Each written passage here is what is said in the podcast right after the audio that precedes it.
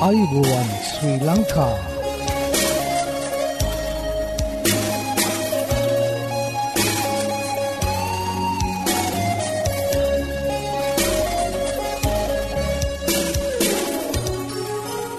ඔබට සුපදස මේ Adventist World radio බලාපොරොත්වය හඬ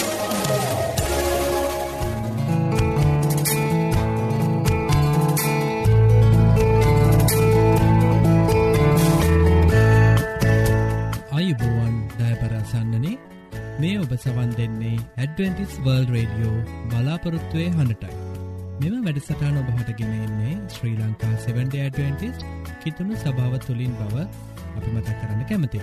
ඔබගේ ක්‍රස්තියානි හා අධ්‍යාත්මික ජීවිතය ගොඩනගා ගැනීමට මෙම වැඩසටාන රුකුලක් වේයයි අපි සිතන. ඉතිං රැඳී සිටින් අප සමඟ මේ බලාපොරොත්තුවේ හඬ.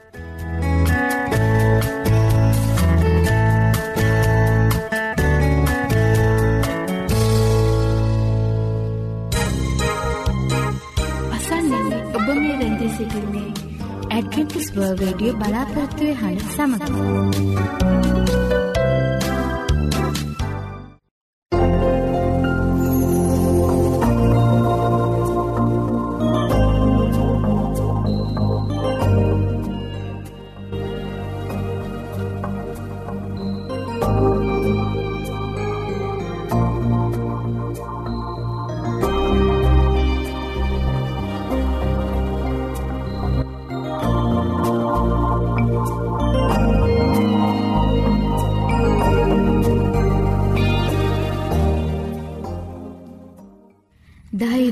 බලාපොරොත්තුව ඇදහිල්ල කරුණාවසහ ආදරය සූසම්පත වර්ධනය කරමින් ආශ් වැඩි කරයි.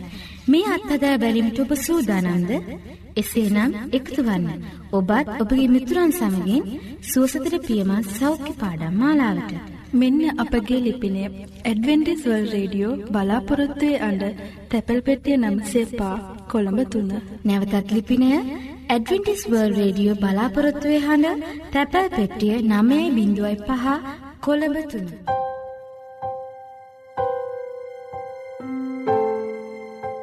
මා ප්‍රියසන්නනේ අපගේ සේවේ යම්කිසි වෙනස් කිරීමක් සිදූ කිරීමට තිබෙන අතර දෙදස් දාසේ ඔක්තෝබර් මස තිස්වයින්දා සිට දෙදස් දාහතේ මාර්තු විසිපා දක්වා කාලය තුළ ඔබට මෙම වැඩසටහනය ශ්‍රවණය කළ හැක්කේ කෙටි තරංග දහ නමයවැනි මීට්‍රය ඔස්සේ කිලෝහර්ටස් පහළවයි දෙසේ පනස් පහ තුළින් බව කරුණාවෙන් සලකන්න.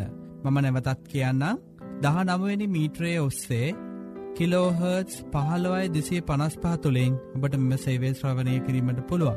ඉතිං ඔබලාගේ යහළු වැහලියන්ට මතක් කරන්න මේ මීටරය දෙදස් දාහතේ මාර්තු විසිපහ දක්වා මෙම මීට මීට්‍රය තුළින් ඔබට මෙම වැඩසටානට සවන්දිය හැකි බව කරුණාවෙන් සලකන්න.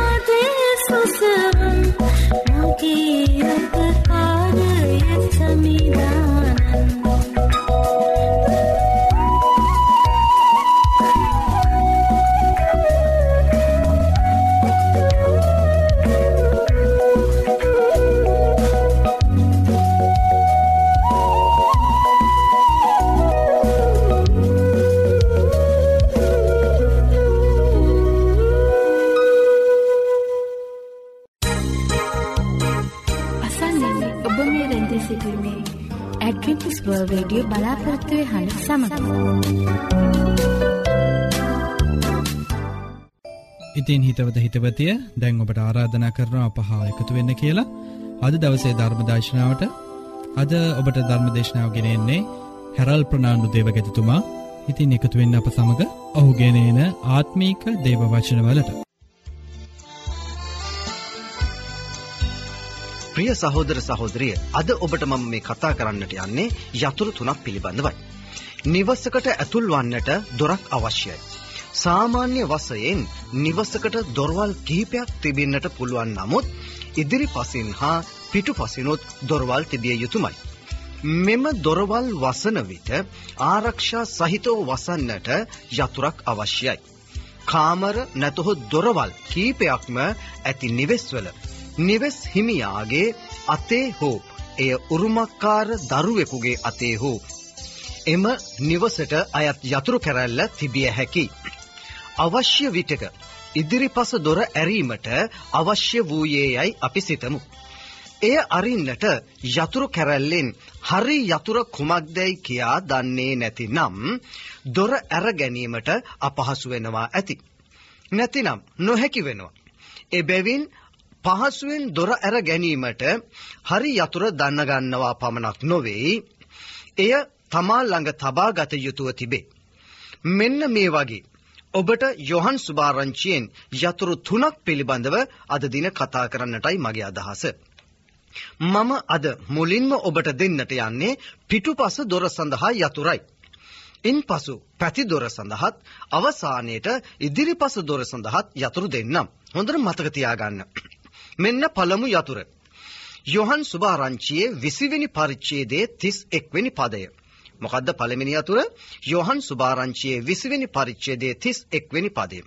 මෙම පදයෙන් මුළු යොහන් සුභාරංචියම ලිවීමේ අදහස ප්‍රකාශ කරනු ලබනවා.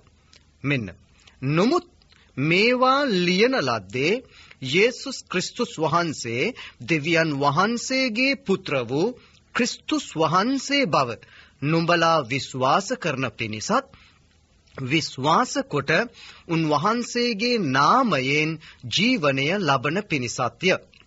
යොහන්තුමා මේ පොත ලිවීමේ අරමුණු දෙකක් තිබිලා තිබෙනවා. ඒ පළමිනි අරමුණ තමයි ජේසුස් වහන්සේ දෙවියන් වහන්සේගේ පුත්‍රයා බව විශ්වාස කිරීම දෙවිනි කාර්යය උන්වහන්සේගේ නාමයෙන් ජීවනය ලැබීමත්ය. ජේසුස් වහන්සේ දෙව පුත්‍රයා බව විශ්වාස කිරීම පහසු දෙයක්. ඒ බව සාතන් පවා විශ්වාස කරනවා. බොහෝ ජනතාවත් විශ්වාස කරනවා. ඔබත් සමහර විට විශ්වාස කරනවා ඇති. නමුත් අමාරු දෙය නම් උන්වහන්සේගේ නාමයෙන් ජීවනය ලැබීමයි. මේ සඳහා අප විසින්ද කළ යුතු අපට අයිති වැඩ කොටසක් තිබෙනවා. එම කොටස නම් දෙවියන් වහන්සේගේ වචනයට කීකරුව ජීවත්වීමයි. ඔබ දෙවියන් වහන්සේට ප්‍රේම කරනවා නම් දේව වචනයටද කීකරුවෙනවා ඇති. ඔබ ක්‍රිස්තුස් වහන්සේගේ නාමයෙන් ජීවනය ලබා ඇත්තේ නම් ඔබ මේ පෞකාර ලෝකයේදී මියගියත් ඔබ සදාකාලිකව මියගොස් නැති බව කියන්නට කැමති. ජේසුස් ක්‍රිස්තුස් වහන්සේ එන දවසේදී ඔබ නැගිටිනවා ඇත. හැබැයි එය සිදුවන්නේ ඔබගේ ජීවිතය දෙවිඳුන් ඉදිරියේදී ප්‍රසන්න වූවොත් පමණයි. ඒ නිසා ඔබගේ ජීවිතය දෙසර හැරී බලන්න. පසු තැවිලිවන්න ජේසුස් ක්‍රිස්තුස් වහන්සේ වෙතට හැරෙන්න. එතුමාව අනුගමනය කරන්න. එහෙනම් මෙන්න දෙවන යතුර. යෝහන් දාසයවෙනි පරිච්චේදයේ විසි අටවෙනි පදය. යොහන් පොතේ දාසයවෙනි පරිච්චේදයේ විසි අටවෙනි පදය. මෙන්න ඒ පදයක් මම කියන්නම්. මම පියාණන් වහන්සේ වෙතින් පිටත්ව ලෝකයට ඇවිත් සිටිමි. නැවත මම ලෝකය අත්හැර පියාණන් වහන්සේ වෙතට යමී කීසේක. මෙන්න පැතිදොරේ යතුර. යොහන්තුමා පවසන ආකාරයට ජේසුස් ක්‍රිස්තුස් වහන්සේ මැවිල්ලක් නොවෙයි. මෙතුමා පියාණන් වහන්සේ වෙතින් පිටත්ව පැමිණියා කියා තිබෙනවා. කොහාට දාවේ මේ ලෝකයට යාවේ. ඇයි යාවේ. පෞකාර මිනිසයාව එහෙම නැත්නම් ඔබවත් මාවත් පාපයෙන් මුදවා ගන්නටයි. කොහොමද උන්වහන්සේ අපව පාපයෙන් මුදවා ගත්තේ?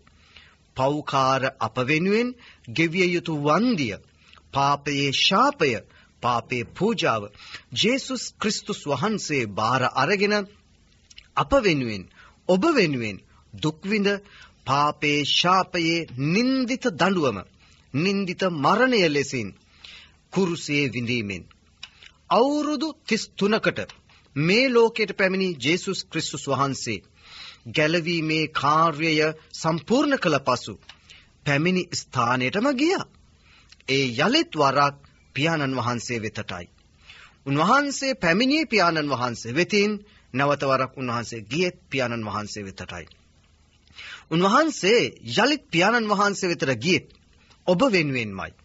ඒ ඔබට ස්ථානයක් පිළියෙල කරන්නටයි. ප්‍රිය සොයුර සොයුරිය. පසුතැවිලිව ජේසුස් ක්‍රිස්තුතුමාගේ නාමයෙන් ජීවනය ලබන සැම සතහට ජේසුස් ක්‍රිස්තුස් වහන්සේ ස්ථානයක් පිළියෙල කරනවා. ඒ ස්ථානය සදාකාලිකයි. එහි පාපය නැහැ. ලෙඩ රෝග නැහැ. දුක පීඩාව නැහැ. සිත් වේදනාවන් නැහැ. මරණය නැහැ. එම ස්ථානය ලබා ගන්නට ඔබ කැමතිද? එසේනම් ජේසුස් ක්‍රිස්තුස් වහන්සේව විශ්වාස කර එතුමාගේ නාමයෙන් ජීවනය ලබන්න. ජේසුස් ක්‍රිස්තුස් වහන්සේ පියාණන් වහන්සේ සමග වැඩ වසමින් ඔබට සූදානම් කර ඇති ස්ථානය ලබා දෙන්නට යළිත් පැමිණෙනවා. දැන් ඔබට තිබෙන්නේ ඒ සඳහා සූදානම් වීමයි. හැරී බලන්න ඔබගේ ජීවිතය දෙස. පාපය අත්හරින්න. පසුතැවිලි වන්න. අලුත් ජීවිතයක් තුළ දේව දරුකම ලබාගෙන බලාපොරොත්තුවෙන් ජීවත් වන්න. බලාපොරොත්තු නැති කරගන්නට එපා. ජේසුස් වහන්සේ තුළ බලාපොරොත්තු වන්න. මෙන්න එහෙනම් තුන්වෙනි යතුර. යොහන් පොතේ පළවෙනි පරිච්ඡේදයේ 10 වෙනි පදයේ සිට 12 වෙනි පදය දක්වා යොහන් පොතේ පළවෙනි පරිච්ඡේදයේ 10 වෙනි පදයේ සිට 12 වෙනි පදය දක්වා මම එය කියවන්නම්. උන්වහන්සේ ලෝකයෙහි සිටිසේක ලෝකයද උන්වහන්සේ කර්ණ කොටගෙන සාධන ලද්දේය. නොමුත් ලෝකයා උන්වහන්සේව හැඳින ගත්තේ නැත. උන්වහන්සේ ස්වකීය ස්ථානවලට ආසේක. ස්වකීයයෝ උන්වහන්සේව පිළි නොගත්තෝය. නොමුත් යම් පමණ දෙනෙක් උන්වහන්සේව පිළිගත්තෝද එනම් උන්වහන්සේගේ නාමය කෙරෙහි අදහා ගත්තෝද ඔවුන්ට දෙවියන් වහන්සේගේ දරුවන් වෙන්ට උන්වහන්සේ බලය දුන්සේක. ඔවුහු ලෙයෙන්වත් මාංශයේ කැමැත්තෙන්වත් මනුෂ්‍යයාගේ කැමැත්තෙන්වත් නොව දෙවියන් වහන්සේගෙන් උපන්නෝය. එහෙමනම් මැවුම්කාර දෙවි වූ ජේසුස් ක්‍රිස්තුස් වහන්සේ මනුෂ්‍යයා අතරම ජීවත් වුණත් මනුෂ්‍යයා විසින් උන්වහන්සේව හඳුනාගත්තෙත් නැහැ පිළිගත්තෙත් නැහැ. මනුෂ්‍යයා පාපයේ ආශාවන්ට ලෝකයේ ආශාවන්ට මාංශයේ එහෙමත් නැත්නම් තම ශරීරය පිනවීමේ ආශාවන්ට යේසුස් ක්‍රිස්තුස් වහන්සේට වඩා ඇලුම් වුණා. මෙන්න මේ නිසයි දෙවිඳුන්ව මිනිස්යා විසින් හඳුනා නොගත්තේ. නමුත් උන්වහන්සේව පිළි අරගෙන උන්වහන්සේට කීකරුවන එතුමාව අනුගමනය කරන අයවලුන් හට දෙවියන් වහන්සේ දරුකමේ උරුමය දෙනසේක. ප්‍රිය සොයුර සොයුරිය. දැන් ඔබ සිතා බලන්න. ඔබගේ ජීවිතයේ ඇතුළාන්ත දෙස. කුමන තත්ත්වයකද ඔබ සිටියේ. කුමන තත්ත්වයකද ඔබ දැන් සිටින්නේ. එමෙන්ම ඉදිරියේදී කුමන තත්ත්වයක සිටින්නටද ඔබ බලාපොරොත්තු වන්නේ. දෙවියන් වහන්සේගේ දරුකමේ උරුමය තුලද සාතන්ගේ එහෙමත් නැතිනම් නපුරාගේ යක්ෂයාගේ දරුකමේ උරුමය තුලද සදාකාලයේ ජීවිත බලාපොරොත්තුවෙන්ද සදාකාලයේ විනාශයේ බලාපොරොත්තුවෙන්ද නැතහොත් බලාපොරොත්තුවක් නැතිවද? ජීවිතය අසහනයින්ද? දුක පීඩාව හා කරදර නින්දාව තුල හෝ රෝග පීඩා තුලද මෙන්න ඒවායින් මිදෙන්නට ක්‍රමය. ඔබව මේවායින් නිදහස් කරගත හැකි එකම තැනැත්තා ජේසුස් ක්‍රිස්තුස් වහන්සේයි. ඔබට නැවතත් යතුරු තුන මතක් කර දෙන්නම්. එවිට මේ දොරවල් ඇරගෙන ගොස් ඔබට පුළුවන් ජේසුස් ක්‍රිස්තුස් වහන්සේගේ නාමයෙන් ජීවනය ලබන්න. මෙන්න පළවෙනි යතුර. යෝහන් 20:31 වෙනි පදය. යොහන් විස්වෙනි පරිච්ඡේදය 31 වෙනි පදය. මේවා ලියන ලද්දේ ජේසුස් ක්‍රිස්තුස් වහන්සේ දෙවියන් වහන්සේගේ පුත්‍ර වූ ක්‍රිස්තුස් වහන්සේ බව නුඹලා විශ්වාස කරන පිණිසත් විශ්වාස කොට උන්වහන්සේගේ නාමයෙන් ජීවනය ලබන පිණිසත්ය. දෙවනි යතුර යොහන් 16 වෙනි පරිච්ඡේදයේ 28 වෙනි පදය. මම එහෙමත් නැත්නම් ජේසුස් ක්‍රිස්තුස් වහන්සේ පියාණන් වහන්සේ වෙතින් පිටත්ව ලෝකයට ඇවිත් සිටිමි. නැවත මම ලෝකය අත්හැර පියාණන් වහන්සේ වෙතට යමි. මෙන්න තුන්වෙනි යතුර. යෝහන් පළමිනි පරිච්ඡේදයේ 10 වෙනි පදයේ සිට 12 වෙනි පදය දක්වා. උන්වහන්සේ ලෝකයේහි සිටිසේක. ලෝකයේද උන්වහන්සේ කරන කොටගෙන සාධන ලද්දේය. නොමුත් ලෝකයා උන්වහන්සේව හැඳින ගත්තේ නැත. උන්වහන්සේ ස්වකීය ස්ථානවලට ආසේක. ස්වකීයයෝ උන්වහන්සේව පිළිනො ගත්තෝය.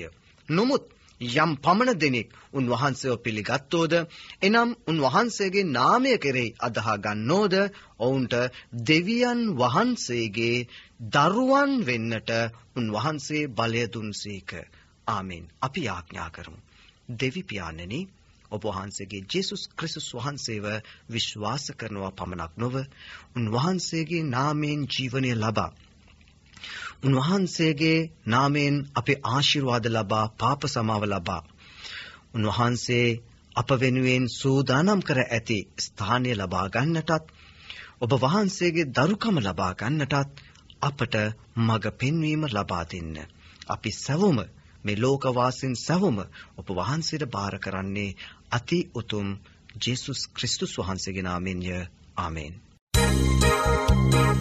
අසන්නේ ඔබ මේ රැඳී සිටින්නේ ඇඩ්වෙන්ටිස් වර්ල්ඩ් රේඩියෝ බලාපොරොත්තු වෙන සමග. සත්‍යය ඔබ නිදස් කරන්නේ යසාය අටේ තිස්ස එක. මේ සත්‍ය සොයමින් ඔබ අද සිසිින්නේද? එසේ නම් ඔබට අපගේ සේවීම් පිදින නොමලි බයිබල් පාඩම් මාලාවට අදමැතුල්වන්.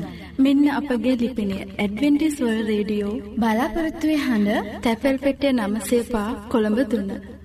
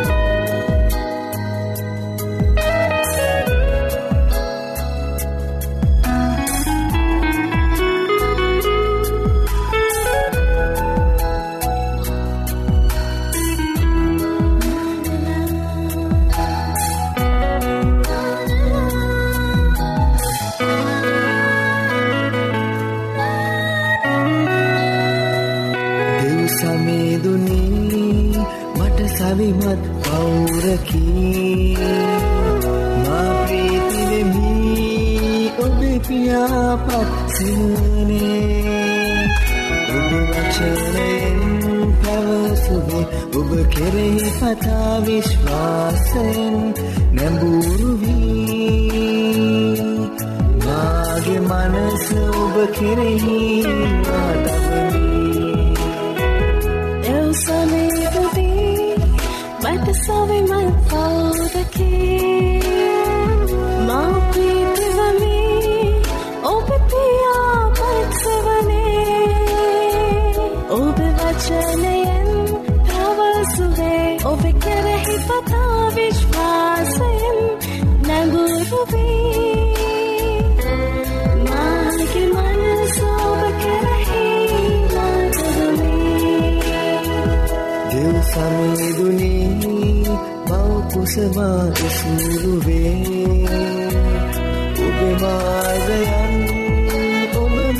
මාහට කරුවේ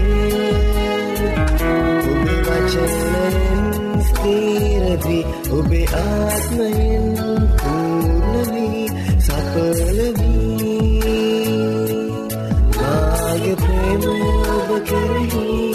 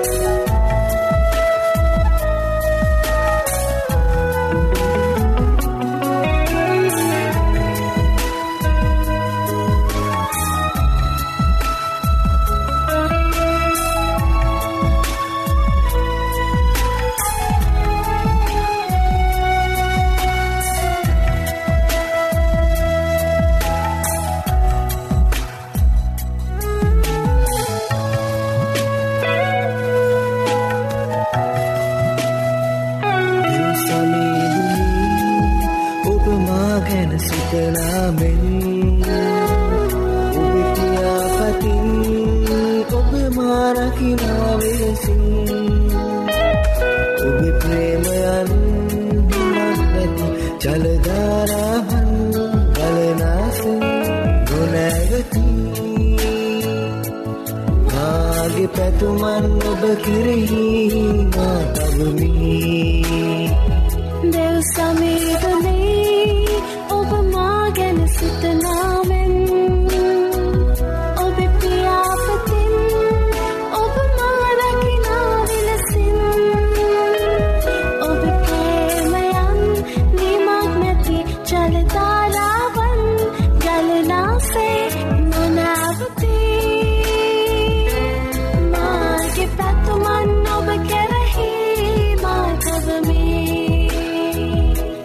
දෙව් සමීරුණී මට සවිමත් පවුරකී මා ප්‍රීතිවමී ඔබ පියාපත්සවනේ.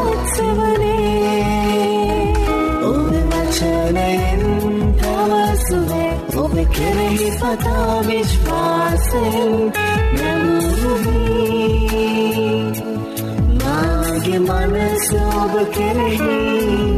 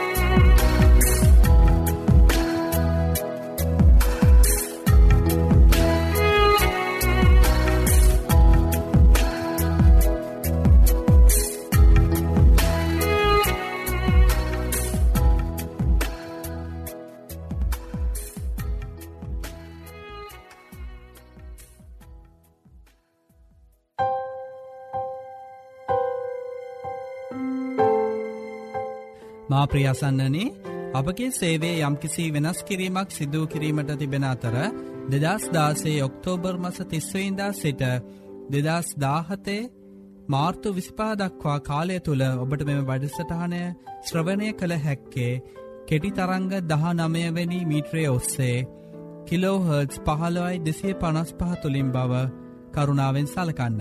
මම නැවතත් කියන්නම් දහ නමවෙනි මීට්‍රයේ ඔස්සේ කිලෝහර්ජ් පහළවයි දෙසේ පනස් පහ තුළින් ඔබට මෙම සේවේ ශ්‍රවණය කිරීමට පුළුවන්.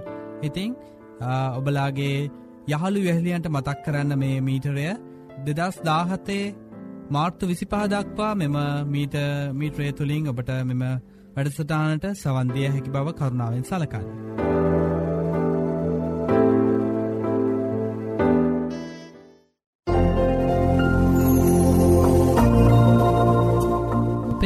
වැඩසටාන තුළින් ඔබලාට නොමිලේ ලබාගත හැකි බයිබල් පාඩං හා සෞඛ්‍ය පාඩම් තිබෙනවා. ඉතිං ඔබලා කැමතිනං ඒවට සමඟ එක්වෙන්න අපට ලියන්න.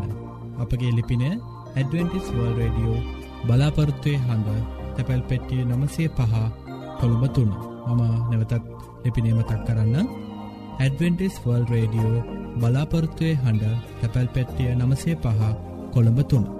ඒ වගේ මොබලාට ඉතාමත් ස්තුතිවන්ත වෙනවා අපගේ මෙම වැඩසිරාණ දක්කන්නව ප්‍රතිචාර ගැන.